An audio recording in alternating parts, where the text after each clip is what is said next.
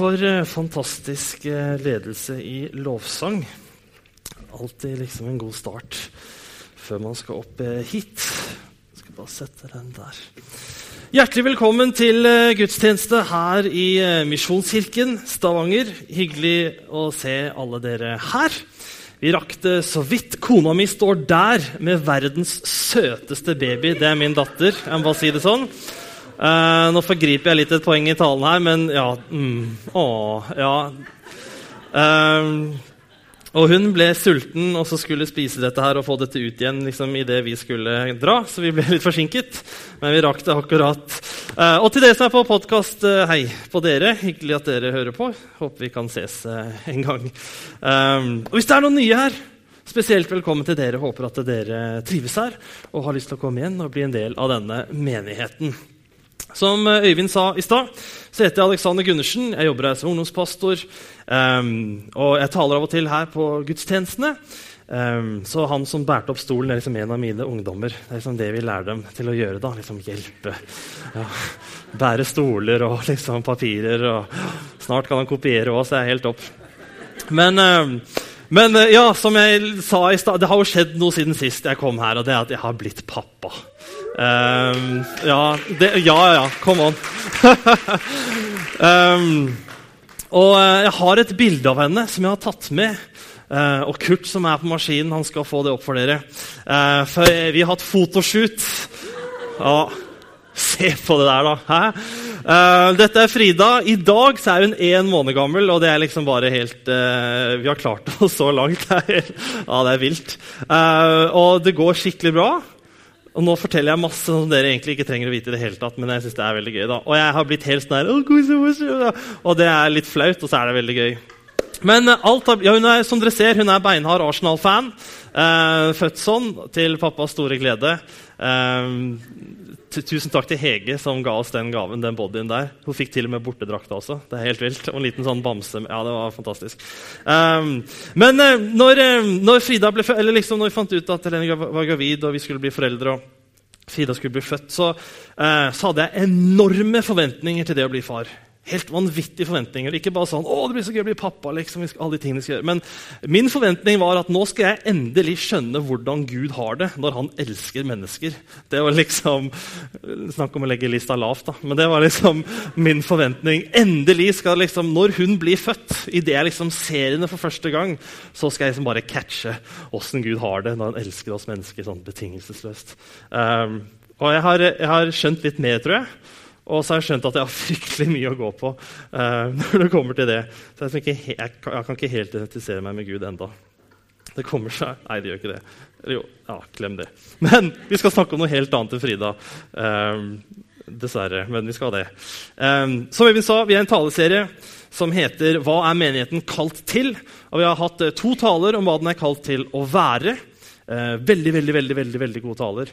Eh, og så skal vi ha to taler nå om hva den er kalt til å gjøre. Og Dagens tale tar utgangspunkt i det dobbelte kjærlighetsbud. Kommer litt tilbake til hva det er for noe. Og så Neste gang så skal er utgangspunktet misjonsbefalingen. Som liksom er det siste befalingen Jesus sier eh, disiplene før han drar opp til himmelen. Så Det er liksom utgangspunktet for de to å gjøre-talene. Men eh, før eh, vi skal svare på hva menigheten er kalt til å gjøre, så må vi si litt om menighet, hvem menigheten er. Um, nå så dere på infosaken her at det skal være menighetsmøte etterpå, og vi skal snakke om stort, nytt, flott bygg eh, som forhåpentligvis blir en realitet. Um, og en sånn der, eh, Opp igjennom da, så har det vært en utfordring at mange har identifisert menigheten som kirkebygget at menigheten det er liksom bygget. Det er dit vi går. Sant? Jeg skal i kirka. Jeg skal til kirken. Eller menigheten min er der borte. Sant? Knut Holms gate 8. Der er min menighet. Um, og, og, og, det stemmer jo ikke helt. Uh, egentlig så stemmer det ikke i det hele tatt. Uh, for menigheten er folket. Sant? Det er menneskene som er menigheten. Og bygget er et bygg. Enkelt og greit. Uh, og mitt inntrykk er at her er ikke det et veldig stort problem. At det, liksom, at det er mange forvekslinger der. Da. men et annet skille som er litt viktig, og som kanskje er, eh, kan bli litt mer uklart, da, det er at det er også et skille mellom menneskene og organisasjonen menigheten. Altså, Menigheten er ikke organisasjonen. Altså, Misjonskirken Stavanger det er en registrert organisasjon i Brønnøysundsregisteret. Vi har organisasjonsnummer, og vi har årsmøter, og vi har styre og vi har stab. og vi, alt sånne ting. Det er ikke menigheten. Det er en organisasjon. Okay? Aktivitetene som denne menigheten arrangerer, er ikke menigheten. Okay? Det er ikke sånn at det er barnekor, og det er uh, gudstjenester, og det er uh, bønnemøter, og det er menighetsmøter, og det er uh, Syng jula inn, og at det er søndagsskole. Det er ikke det som er menigheten. Det er ikke alle disse aktivitetene som stelles i stand her. Og det er heller ikke sånn at strukturene er menigheten. Altså, vi har da menighetsråd eller et styre, og så har vi stab, og så har vi årsmøte som noen øverste liksom, autoritet, og så har vi menighetsmøter, og, og, vi har rutiner og vi har prosedyrer og alt mulig sånne ting. Det er ikke de strukturene som er menigheten heller. Selv om vi kaller det liksom Misjonskirken Stavanger. Men det er menneskene som er menigheten. Um, jeg studerte på Ansgarskolen, uh, studerte teologi der. og Da hadde vi en lærer som, uh, som, sa det som dere har på skjermen her, at menigheten er en organisme som har en organisasjon. Okay? Menigheten er en organisme som har en organisasjon. Og Med organisme så mener man at uh, menigheten det er noe levende, det er noe dynamisk, det er noe voksende, og det er noe som er skapt av Gud. Jesus sier at det er to eller tre samlet i mitt navn, er jeg midt iblant dem. Det går ikke an å ha menighet uten Gud. Det er liksom ikke menighet uten Gud. Og det er kun menighet når Gud er der. Okay? Det er det som menes med organisme. Og det er dynamisk. sant? Det er mennesker, og det er relasjoner. Og det er levende, og det skal vokse. Men eh, organismen har en organisasjon. Og det er strukturer, og det er aktiviteter. Og det er menneskeskapt. Og det trengs. Det er nødvendig. Men det er ikke det som er selve menigheten. Um, det er mange som har innvendinger mot dette her med organisasjon og menighet. Uh, noen syns det er altfor alt for lite, noen syns det er altfor mye. Noen mener at det ikke har noen som helst plass å gjøre i menighetssammenheng. Um, jeg, holder, jeg, har en sånn bibelleseplan som jeg følger, og da leser jeg i Apostlenes gjerninger. Det er en fantastisk eh, spennende, spennende bok å, lese i. Uh, og i kapittel 6 der Eh, så er det en liten sånn en, uh, fortelling fra liksom, menigheten, den aller, aller første menigheten i sin spede begynnelse, som handler litt om organisasjon. For det er altså da noen uh, gresktalende jøder som har kommet i klinsj med de uh, hebraisktalende jødene. for at de, de gresktalende de mener at våre enker de blir nedprioritert og tilsidesatt i den daglige utdelingen av penger og mat. Enker var på den tiden en litt sånn utstøtt Eh, klasse, eller samfunnsklasse eh, som egentlig fikk beskjed om at eh, dere er ute av familien og må klare det sjøl. og Da satt den første kirken opp tenkte dette her er mennesker i nød. De er vi kalt til å hjelpe. så de satte opp da en daglig utdeling av mat og penger til disse enkene. Og De gresktalende jødene mente at hei, hei, det er, et eller annet som skjer her. fordi at Våre enker får jo ingenting, og de hebraisktalende jødene sine enker de får alt. Um, og det menigheten da gjør, er at de samler seg og så velger de ut syv karer som da skal ha ledelse for dette, denne utdelingen, og sørge for at det gjøres på en god måte. Og Det er et eksempel på organisasjon helt, helt, helt fra menighetens spede begynnelse. Da. At det er nødvendig. Det er ikke alltid det funker optimalt, men vi trenger det for å sørge for at mennesker får den hjelpen de trenger, og at vi får gjøre det som vi er kalt til å gjøre. Menigheten er en organisme det er vi folket, vi mennesker. Og vi har en organisasjon, og vi må prøve å ikke forveksle de to. Så nå skal vi prøve å si noe om hva menigheten er kalt til å gjøre. Hva er det vi folket, vi menneskene, vi som sitter her, hva er det vi er kalt til å gjøre for noe? Um, I Matteus 22 um, Dere skal få verset opp på skjermen snart. Um, men Eh, der Jesus har kommet til Jerusalem Dette her er liksom mot slutten av hans liv. Han har kommet til Jerusalem, eh, han har kommet inn på tempelplassen. Han har liksom veltet disse bodene som han var så sinna på. altså mente at dette er et gudshus, ikke en markedsplass. Eh, og det Han gjør nå er at han daglig går ut på tempelplassen og så underviser han folkemengden som er der. Og når vi hopper inn i fortellingen, så, så er han midt i en sånn en undervisning. Uh, og han er midt i svaret på en utfordring som han har fått. I løpet av denne undervisnings... Helt det het sikkert ikke sesjon på den tiden, men liksom denne undervisningen, så har han da fått tre utfordringer. Uh, den første kom fra disiplene til fariseerne, som spør han om det er lov å betale skatt til keiseren. Og Jesus svarer at, eller viser fram en sånn gullmynt og sier hvem sitt hode er det bildet her. Og er det keiseren, og så sier han ja, men gi det som hører keiseren til, og gi Gud det som, Gud, som hører Gud til. Eh, den andre eh, utfordringen kom fra sadukeerne.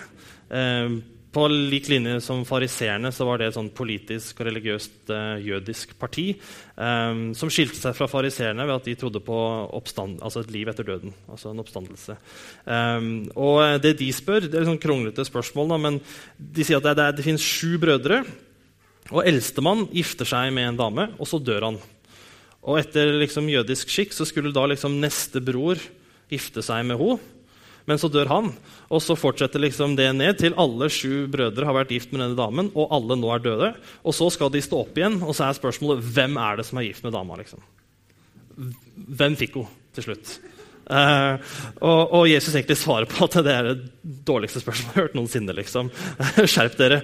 Uh, nå må dere konse om det som er viktig. Altså, ja, ikke, ja, Litt sånn fritt oversatt. Uh, men, men, så kommer den tredje utfordringen, og det er fra fariseerne selv. Det er liksom de som har sendt disiplene. Liksom, Hei, må dere spørre om dette her? Må dere prøve å fange han i et eller annet, så vi kan drepe han? Og så, tar de sånn, sadukerer liksom, skal ikke spørre han om dette her. ikke sant? Prøv å fange han i si et eller annet galt. Og så finne ut at ok, vi må kanskje gjøre dette her sjøl. Og de spør da 'Mester, hva er det største bud?' Dette er fariseere, dette er folk som kan sin eh, bibel, eller Tora, da, eh, Gammeltestamentet. De kan sine bud, de kan sine lover og var stolte av det. Eh, dette er ikke liksom, De blir av og til framstilt i tale som litt sånn der dumme, slemme, enkle mennesker. Men dette her er godt utdannede, kloke, oppegående folk. Okay? Og de spør hva er det største budet, Jesus? Og svaret til Jesus skal vi lese nå, fra kapittel 22, vers 37. Han svarte Jesus altså. Du skal elske Herren din Gud av hele ditt hjerte og av hele din sjel og av all din forstand. Dette er det største og første bud. Men det andre er like stort, altså størst. Du skal elske de neste som deg selv. På disse to budene hviler loven og profetene. Um, jeg synes Det er så deilig å lese at Jesus svarer liksom så klart på det spørsmålet. Av og til har Jesus en tendens til å svare med nye spørsmål eller en lignelse eller et bilde. og så ja, er det ikke alltid synes jeg, like lett å skjønne hva han mener. Men her er det liksom kjempetydelig. Og Han sier heller ikke at uh, alt er viktig. Alt er like viktig. Det er umulig å trekke fram noe som helst som er mer viktig enn noe annet. Alle disse her, vet ikke, 517 budene eller hva de har for noe, altså, alle er like viktige. Jeg hadde en lærer på, på som het Hallo Haglia, eh, som var kjent for å gi ganske vanskelige, kronglete eksamensoppgaver. Og eh, Vi gjorde den tabben en gang å spørre han om det var noe som var mer viktig enn noe annet. Eh, og liksom eh, Eksamenspanikken og fortvilelsen i blikket. og liksom, du Harald, Halvard, er det noe som er liksom, mer sentralt? Liksom, hva er de store linjene i dette faget? her? Vi skjønner ikke, hjelp oss. Og han så bare på oss, han er veldig høy, da. Og så så han ned og så sa han bare Alt er pensum. Alt er viktig. Ja. Så sånn gikk det med den eksamen. Jeg sto så vidt. Um, så var, jeg håper ikke han hører på dette, men det var ingen hjelp å få der. I hvert fall. Men, uh, men, Jesus svarer jo kjempetydelig. Dette er det viktigste av absolutt alt vi tror på. Alt du kan komme på, alt det Gud har sagt, alt det vi leser om, absolutt alt, så er det disse to tingene det står på. Du skal elske Herren din Gud av absolutt alt det du er, og du skal elske mennesker som deg selv. På, hviler, altså på disse to budene hviler loven og profeten. Altså loven det er Guds vilje for mennesker. All Guds vilje for mennesker hviler på dette. Elske Herren Gud alt det er, og elske mennesker som deg selv. Profetene det er liksom alt det Gud har sagt eller prøvd å si til, eh, til Israel eller til eh, menigheten opp igjennom hele Gammeltestamentet. Eh, og det han har prøvd å si, er 'elsk Gud av alt du er', og 'elsk mennesker'. Det er bare Frida, så det går bra. Ja. Um, eh, det Jesus gjør her, er at han siterer eh, noe fra Gammeltestamentet, som vi også skal lese. for jeg synes, eh, ja, Det var skrevet på en litt morsom eller artig måte. Um, det er fra 5. Eh, Mosebok, eh, kapittel 6, vers 5. Um, det er dette som Jesus siterer. da. Du skal elske Herren din Gud av hele ditt hjerte og av hele din sjel og av all din makt. Disse ord og bud som jeg gir deg i dag, skal du bevare i ditt hjerte. Og så hør på dette. Du skal gjenta dem for dine barn, tale om dem når du sitter hjemme når du går på veien, og når du legger deg, og når du står opp. Og så fortsetter han egentlig at du skal binde dem om armen og ha det i panna. litt sånn forskjellig, og Du skal ha det på dørstokken og du skal ha det på, på senga di. Altså fysisk skrive det sånn at du ser det. Altså, det, det, det Jesus understreker her, er at det, dette er så viktig. Det holder ikke å elske din Gud og elske din neste og tenke på det en time på søndag formiddag. Du skal tenke på det når du er hjemme, du skal tenke på det når, du er med familien din. Du skal snakke om det, du skal prøve å leve det. Du skal tenke på det når du er på veien, når du er på vei til jobb, når du er på jobb, på vei hjem fra jobb, ut til familie eller venner. eller hva Det er. Du skal tenke på det. Det skal være det første du tenker på når du står opp, det skal være det siste du tenker på før du legger deg. Det skal omgi deg og gjennomsyre deg så fullstendig som det bare kan. er det det Jesus prøver å si. Så viktig er det. Elsk Gud, og elsk mennesker. Og hva er det vi er kalt til, da? Som menighet, det er nettopp de to tingene. Vi er kalt til å elske Jesus, Gud, og vi er kalt til å elske mennesker. Og hvordan ser det ut, da? Å elske Jesus og elske mennesker. Jeg har sagt det mange ganger før, og eh, jeg blir ikke lei av å si det heller. Eh, men vi er kalt til å tjene med det vi har, med det vi kan, og med den vi er. Uh, og Om man leser Nytestamentet, og spesielt det Jesus uh, sier, så er det tydelig at det å tjene og det å elske du kan nesten sette likhetstegn. Altså Det å tjene noen og det å elske noen er nesten akkurat det samme. Um, så vi er kalt til å elske med det vi kan, vi er kalt til å elske med det vi har, og vi er kalt til å elske med den som vi er. Og uh, Jeg har hatt litt sånn nære fanesak, er det det heter? Sånn Ja, en fanesak. Eller sånn derre ah, dette her brenner jeg litt for. Men eh, min bønn da, er at vi som menighet skal klare å løsrive oss fra de rammene som organisasjonen gir oss når det kommer til det å elske mennesker og tjene andre. Okay, min bønn eller min drøm er at vi som menighet skal kunne løsrive oss fra de rammene som organisasjonen gir oss. Um, Eh, når jeg bodde i Kristiansand, så, så, var vi med på noe som het Touchpoint, som var en, en nyoppstarta menighet som besto stort sett av studenter, unge voksne. Um, og Det gikk veldig veldig bra, Det det, det, var mye folk, og det skjedde veldig mye godt. og Mennesker ble frelst, og det var liksom veldig inspirerende å være en del av det. Um, men så kom det et punkt der, der, vi hadde så mye folk i tjeneste at det var litt sånn, vi trenger ikke flere. Det er fullt, liksom. Det er ikke behov for noen flere nå. Og Det var en periode der vi endte opp med at hvis du har lyst til å tjene Gud hos oss, så kan du enten liksom sitte i kafeen og dele ut eh, altså Tenk å selge noe, du skal bare dele ut liksom kake og, og kaffe og, og, og, frukt. Du kan være møtevert, altså koke kaffe og dele den ut. Eller du kan være låsevakt. That's it, liksom. Det var rammene vi hadde. Det var liksom den organisasjonen vi hadde. Og legger ikke veldig godt til rette for at mennesker kan bruke alt det som de har, og som de kan, og som de er, for å tjene Herren. Elendige rammer. Tanken bak var jo kjempegod, da. Men, men, det er utrolig begrensende. Og min bønn er at vi skal kunne klare å liksom løsrive oss fra det. For eh, på touchpoint da, så satt jo folk som var kjempedyktige på regnskap og økonomi. Syntes det var utrolig spennende. Elsket å holde på med det. Eh, vi hadde folk som var dyktige på idrett, eh, på musikk. Eh, vi hadde masse omsorgspersoner Altså, mennesker som, altså, Det å bry seg om andre folk, det var som å puste. Uh, jeg er ikke sånn, dessverre. Uh, men jeg er gift med en sånn, og det er fryktelig greit. uh, vi hadde gründere. Folk som, var, som gikk, altså, hadde utrolig masse dyktige ideer og hadde liksom den der, eh, gutsen til å satse på det. Eh, vi hadde folk som var interessert i IT og data og nettverk og apper. Og alt det som, sånne ting, og vi hadde folk som var motinteressert. Og vi hadde jo et vanvittig spekter da, av interesser og talenter og gaver. Eh, og de rammene som vi hadde, det var dele ut kake, koke kaffe og låse dører. Det er ganske dårlig og stusslig. Og det vi opplevde også var jo at mennesker lot seg begrense av de rammene. sant? Så hadde jo moteinteresserte folk som helt sikkert kunne fått til et eller annet kult med det, men som, som låste dører. Og gründere som kanskje kunne starta eh, selskap eller starta eh, forening eller en organisasjon et eller annet sånt som kunne hjelpe mennesker, som, som, som delte ut kaffe. Og det var folk som kunne starta liksom, Kanskje vi skal samle folk på liksom, treninger. Da, sant? Kjempefin måte å få med folk som ikke er kristne på. Vi har trening, kanskje ha en liten andakt. Altså. Og, som, og som delte ut kake. da. Jeg tror det er viktig med kirkekaffe, jeg tror det er viktig med kirkekake, og jeg tror det er viktig at dører blir låst. ok? Bare la meg få sagt det. Det er viktig. Og vi hadde veldig dyktige folk som gjorde det, og som syntes det var helt topp. Eh, men nå snakker vi om de som på en måte falt litt utenfor disse rammene. da. Så min bønn, eh, eller disse rammene da, de, de, la ikke til rette for at de kunne tjene med det de kunne, det de hadde, og de de var.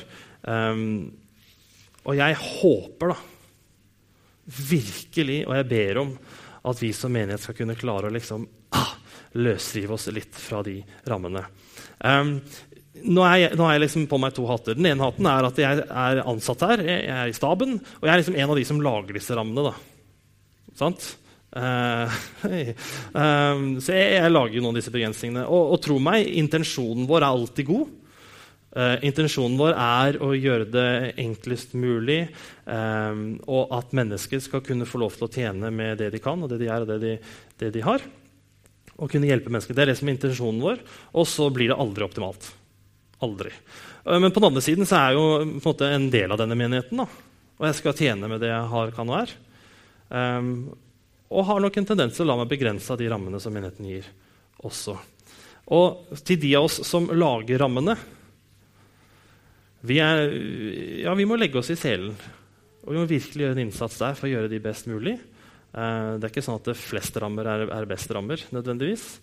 Uh, men vi som kanskje ser at ah, vet du hva, de, de, spør hele tiden om, om folk kan liksom, være med i å koke kaffe og, og, dele ut det. da. Men det er bare ikke min greie. Det der å møte mennesker og smile og hilse og, og smalltalk, det er åh, for helt fnatta. Da, altså. Det er helt greit. Men, eh, men, det er sikkert noen av dere som er eh, ja, driver med regnskap. da. Jeg hører rykter om at folk syns det er gøy. Jeg, ja, jeg er sånn som får kaldsvette liksom, hører budsjett og bilag og balanse. Og, uh, ja, det er det, ja, det er noe av det verste jeg vet. Altså. Uh, men, men, i dag så er det, jo, det er jo, det er jo millioner av mennesker som sliter økonomisk i dag. Jeg tenker ikke bare på fattigdom, altså, jeg tenker på dårlig penge hva heter det, management. Altså, eh, Kredittkortgjelden har aldri vært høyere i Norge. Eh, inkassoselskapene har aldri hatt mer å gjøre. Eh, unge mennesker, altså min generasjon, har aldri hatt mer gjeld. Eh, altså det er enormt mye mennesker som trenger en hjelpende hånd da, til å kunne på en måte bruke og disponere pengene sine på en god og fornuftig måte. Og det er klart at det er mulig å hjelpe til med det. Og per i dag så har ikke Misjonskirken Stavanger organisasjonen vi har liksom ikke et sånn der, For you regnskapsbyrå, et eller annet sånt. som liksom, eh, Vi har ikke det. Vi har ikke den rammen på plass. Men hvis du sitter her inne og tenker liksom, det er regnskapet jeg brenner for, det er det jeg driver med, det jeg elsker, liksom, så, så, ta litt inch. Sant? Eh, et godt tips finn deg en til. Alltid godt å være to eller flere. Og så rett og slett spør om det er noen som trenger hjelp med det. Ikke la deg begrense av de rammene som er her. Jesus sier òg at eh, alt det dere gjorde mot en av disse mine små, gjorde dere mot meg. Alt det vi gjør mot andre mennesker av godt, det gjør vi også mot Jesus. I neste setning så sier han jo alt det dere ikke gjorde mot en av disse mine små, gjorde dere heller ikke mot meg. Altså All den hjelpen dere ikke ga, all den hjelpen dere holdt igjen, alle de der utstrakte armene dere trakk tilbake, eh, det var meg som var på andre enden av de. Det var jeg som ikke fikk den hjelpen. Ved å hjelpe andre mennesker, ved å tjene andre mennesker, så elsker vi også Jesus. Henger dere med fortsatt? Ja, to stykker. Veldig bra. Um, det er noen som opplever uh, dette med tjeneste, uh, dette med å gjøre noe, uh, opplever det som et skikkelig ork. Okay? Det er mennesker som syns det er skikkelig ork. At det er, det er, et slit, det er et strev, det er plikt, det er dugnad, det er 'jeg må'. Jeg er kristen, derfor må jeg gjøre dette her. Eller jeg er kristen, derfor burde jeg gjøre dette her. Eller jeg skulle ha gjort dette her. Det er mye dårlig samvittighet ute og går. Um, uh, og Inge Kittelsen sitter der, uh, som hadde den første talen i denne serien, en fantastisk tale. Hun brukte et flott bilde av en stol. Og hun sa det at uh, denne stolen representerer uh, nåden og kjærligheten, trivelsen, som vi får fra Gud. Og alt det vi trenger å gjøre, det er å sette oss. Det er uh, betingelsesløst. Det er ikke noe krav som stilles. Jeg må ikke liksom bestå en prøve eller ta en test eller noe før jeg får lov til å sette meg. Jeg må ikke fikse noe eller ordne opp i noe eller ha alt på stell før jeg kan sette meg. Men jeg trenger bare å sette meg. Og her kan jeg hvile, og her kan jeg ta imot Guds nåde, her kan jeg ta imot Guds kjærlighet, her kan jeg få tilgivelse og absolutt alt jeg har gjort. Og så hadde Ingrid et sitat som dere skal få på skjermen. Og Hun sa det at hvis det du gjør, hvis ikke det du gjør, er en respons på det Gud har gjort for deg, så bli sittende. Hvis du reiser deg litt for kjapt opp fra den stolen og ikke liksom har helt fått med deg det der at Jesus døde for deg, og han tilga all din synd, og, og, og, han har vist deg nåde, og du skal få et evig liv. det, er liksom, det har ikke helt kommet på innsiden, og du begynner å rushe av gårde og liksom skal tjene, og du skal elske, og du skal gjøre, og du skal farte, du skal ordne og skal styre, så blir det fort et slitt. Det blir et mas, det blir et jag, det blir et måtte, det blir et skulle, det blir et burde. Eh, mye dårlig samvittighet, mye utbrenthet hvis du går den veien. Så hvis du kjenner på at det å tjene det er bare ork og, og, og, og slit Det er bare dugnad, liksom. Det var min tur. Ingen andre kunne, derfor måtte jeg. eller et eller annet sånt. Så er det kanskje på tide at du setter deg litt. Inger hadde noen fantastiske eksempler på hvordan man kunne gjøre det, bl.a. ved å søke stillhet. Fremmed for veldig mange av oss i dag. Det er fryktelig lite stillhet. Det er alltid et eller annet. Um, men rett og slett bare være rolig. La det synke inn. Um, jeg uh, var 19 år gammel når jeg ble kristen. Det er syv år siden. Uh, syv og et halvt år siden. Og jeg gikk inn på et ungdomsmøte og var ateist, og jeg kom ut igjen og var kristen. Um, det var sånn der natt og dag-omvendelse. det var helt sprøtt, helt vilt. Alt forandret seg i løpet av liksom, et par minutter um, inne på det møtet. Det var helt Ja, det var vanvittig. Det er uh, det villeste jeg har vært gjennom. Og nå har jeg også blitt pappa. Uh, um, og det sier jeg ikke bare for å være morsom. Uh, jeg har også blitt pappa, og den omvendelsen er det villeste jeg har vært gjennom. Um, alt ble snudd på hodet. Jeg kunne ikke fortsette som før, for ingenting var som før. Um, og jeg kastet meg ut i tjeneste. Jeg ble frelst på en fredag. 6.2.2009. Og på onsdagen etterpå så var jeg liksom med i lovsangsteam og spilte på ungdomsmøte. Um, og, og, det var liksom Jeg elska det. Det var ikke ork og slit. Ja, jeg ble sliten, men det var ikke et slit. Uh, det var noe du måtte orke, men det var ikke et ork. Uh, ja, jeg ble stressa, men det var ikke et stress. skjønner jeg. Um, men det var, fantastisk. Jeg elska det. Det var fordi det var en respons på hva Jesus hadde gjort for meg. Og det er noe helt annet. altså. Men det er syv år siden, og jeg glemmer det. Det, liksom, eh, det forsvinner litt, det fader litt vekk, den der eh, opplevelsen da, av å bli møtt av Guds kjærlighet på den måten som jeg ble møtt på. Og det, ja, så liksom Jeg hører i dag at ja, Jesus elsker deg. Sant? Så er det sånn, ja, ja, det er fint, jeg liksom skal se fotballkampen i kveld. Altså, Det gjør ikke noe inntrykk lenger. Skal noen av dere som kjenner igjen i det? Altså, Jeg kan høre at noen forteller meg Jesus elsker Alexander akkurat sånn som du er. Og det, det, det gjør ikke grann med meg, altså. Jeg er blitt helt sånn nær immun, nesten, mot å høre det vakreste som fins. Så jeg trenger å bli minnet på hva er det Jesus Jeg må sette meg i stolen, jeg òg, og finne ut av, jeg må liksom jeg må komme tilbake dit at jeg, at jeg klarer å se noe av det, eller oppleve noe, eller skjønne, eller liksom få det på innsiden. Hva er det Jesus har gjort for meg?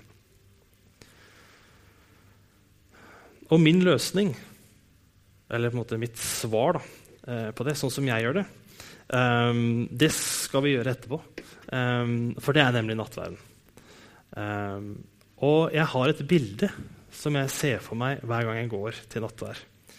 Um, og Jeg vet ikke om jeg har fått det eller om, av Gud eller om jeg har laga det sjøl. Jeg er veldig dårlig på å skille sånne ting, men jeg har det iallfall.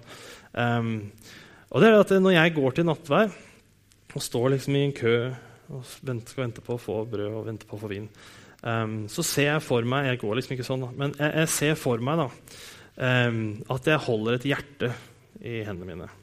Jeg er ikke en veldig sånn der klissete kjærlighet rosa sky-type. Eh, så dette er ikke sånn der, sånt hjerte. Dette er sånn der blodig, pumpende sånn med årer og ut og inn. Det er sånn type hjerte. da, Sånn ordentlig. Um, og Jeg ser for meg at jeg går med dette hjertet her. Og det er mitt hjerte. Og det representerer alt jeg er. Alt jeg har gjort, alt jeg har følt, alt jeg har tenkt, alt jeg har vært borti, og alt jeg ikke har gjort. Um, alt jeg har opplevd, alle relasjoner Alt av meg er liksom i dette hjertet. da. Um, og det hjertet ser så stygt ut. Det er, det er svart. Det er eh, noen sånn rosin, sånn skrukkete. Uh, det lekker sånn tjære ut av det. Det er litt blod der òg. Det er noe som er rødt og, og, fint og sunt, men det er stort sett et stygt Det lukter vondt. Du blir sånn klissete og ekkel på hendene av å holde det. Um, det er ikke noe gøy. Og du, Jeg ser for meg at jeg står der i køen, og folk kan se på det. sant? Og det er, jeg skammer meg, altså. Skikkelig sånn, uh, skikkelig sånn ekkel følelse. Får lyst til å gjemme det vekk. Um, og så ser jeg ser for meg at jeg skal liksom gå opp og så skal jeg motta brød og vin. Og da ser jeg for meg at liksom Jesus står der. da. Og han skal ta imot dette hjertet. Og jeg får helt sånn der fnatt liksom, av å tenke på det. det sånn der, Åh, tenk hvis han sier nei, da. Liksom. Hadde det vært hvem som helst andre, så hadde de jo sagt nei. Er du gæren? Hadde det vært meg der oppe, liksom, da hadde jeg jo bare Åh, det hadde gått, liksom. Og så når jeg kommer fram, da, liksom, så skal jeg gi fra meg dette greiene her. Og så tar Jesus det, og han tar liksom ikke lommetørkleet først. og pakker det fint. Altså Han tar det i hendene, og han blir skitten, og det går fint. Og så holder han liksom rundt det, og så blir det godt. Og det begynner å pumpe godt, og det er, liksom, det er sunt og det er livskraftig. Og så får jeg det tilbake. Og så kan jeg liksom ta det med meg igjen.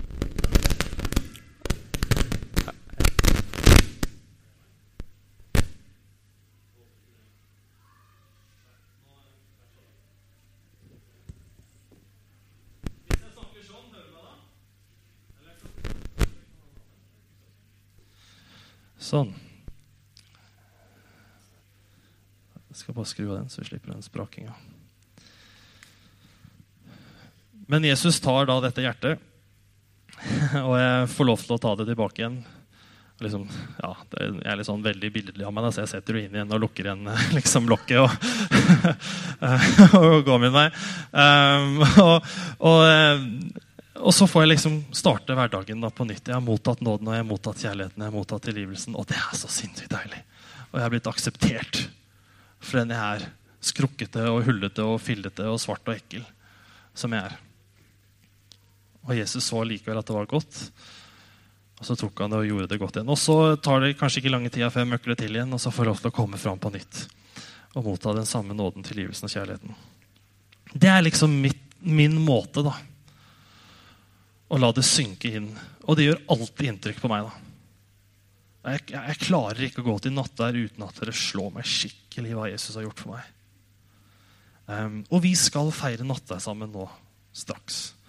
Um, og jeg håper at dere bruker det som en, eller tar den muligheten da, til å la det synke inn hva Jesus har gjort for deg. For Hvis du lar det synke inn og får det på innsiden, så blir det det der elske mennesker og elske Gud. Det er faktisk ikke så ille, det. Det var kanskje ikke så stress eller så slit eller så ork eller så fælt eller så dugnad eller så plikt som du trodde. Det kunne faktisk være ganske spennende. Jeg skal runde av, og så skal vi be en bønn, og så skal vi feire nattvær. Um, hva er det vi som menighet er kalt til å gjøre? Jo, vi er kalt til å elske mennesker. Og vi er kalt til å elske Jesus. Det er det. Enkelt og greit. Vi skal elske Jesus, og vi skal elske mennesker. Ikke la deg begrense av de rammene som vi har i organisasjonen vår. Ok? Ta litt inch. Våg deg ut. Tør å gjøre noe annerledes. Så lenge det er å elske mennesker og elske Jesus, så er det langt innafor. Um, og hvis du trenger det, så sett deg i stolen. Det er helt greit. Det er kjempelov. Anbefales.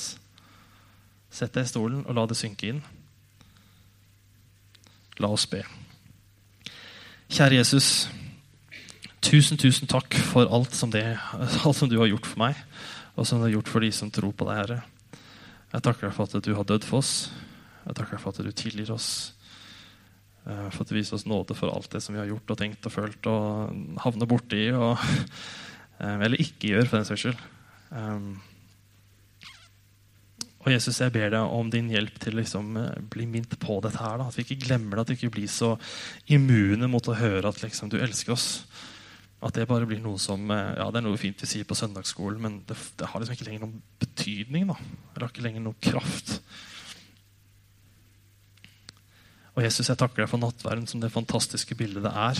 På at vi bare får lov til å komme uten krav og uten betingelser. Men vi får bare lov til å komme og ta imot og få.